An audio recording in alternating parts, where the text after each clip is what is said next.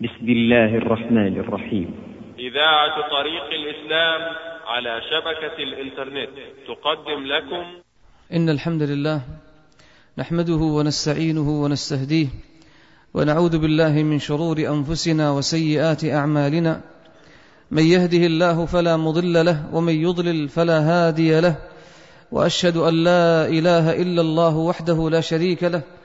وأشهد أن محمدا عبده ورسوله. صلى الله عليه وعلى آله وصحبه وسلم تسليما كثيرا. يا أيها الذين آمنوا اتقوا الله حق تقاته ولا تموتن إلا وأنتم مسلمون. يا أيها الناس اتقوا ربكم الذي خلقكم من نفس واحدة وخلق منها زوجها وبث منهما رجالا كثيرا ونساء واتقوا الله الذي تساءلون به والأرحام. إن الله كان عليكم رقيبا.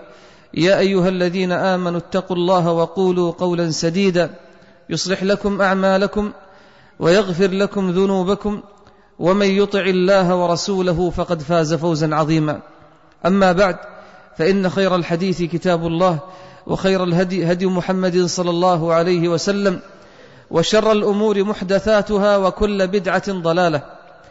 أيها الإخوة المسلمون حديثنا اليوم عن مبدأ عظيم من مبادئ العقيدة وأساس متين من أساسات التوحيد إنه مبدأ التوكل على الله عز وجل.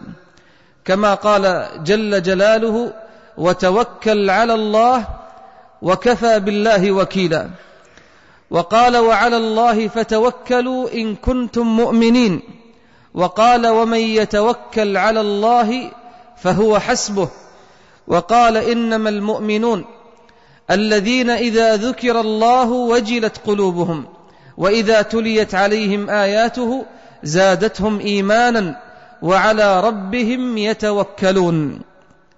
إن التوكل هو صدق الاعتماد اعتماد القلب على الله عز وجل في استجلاب المصالح ودفع المضار من أمور الدنيا والآخرة.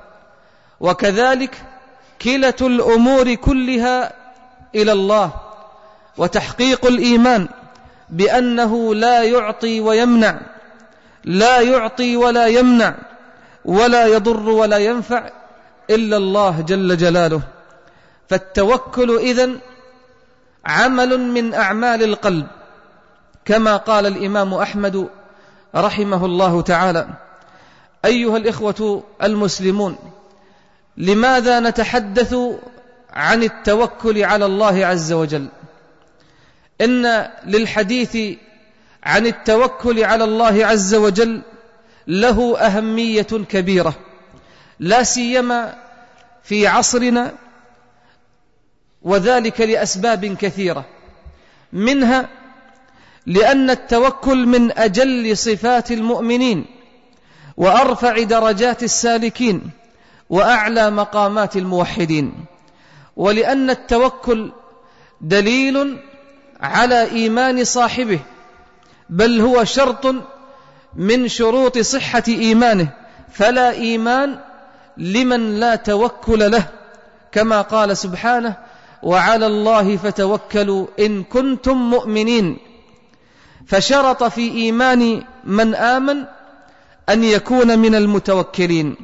قال ابن القيم رحمه الله وهذا يدل على انتفاء الإيمان عند انتفاء التوكل.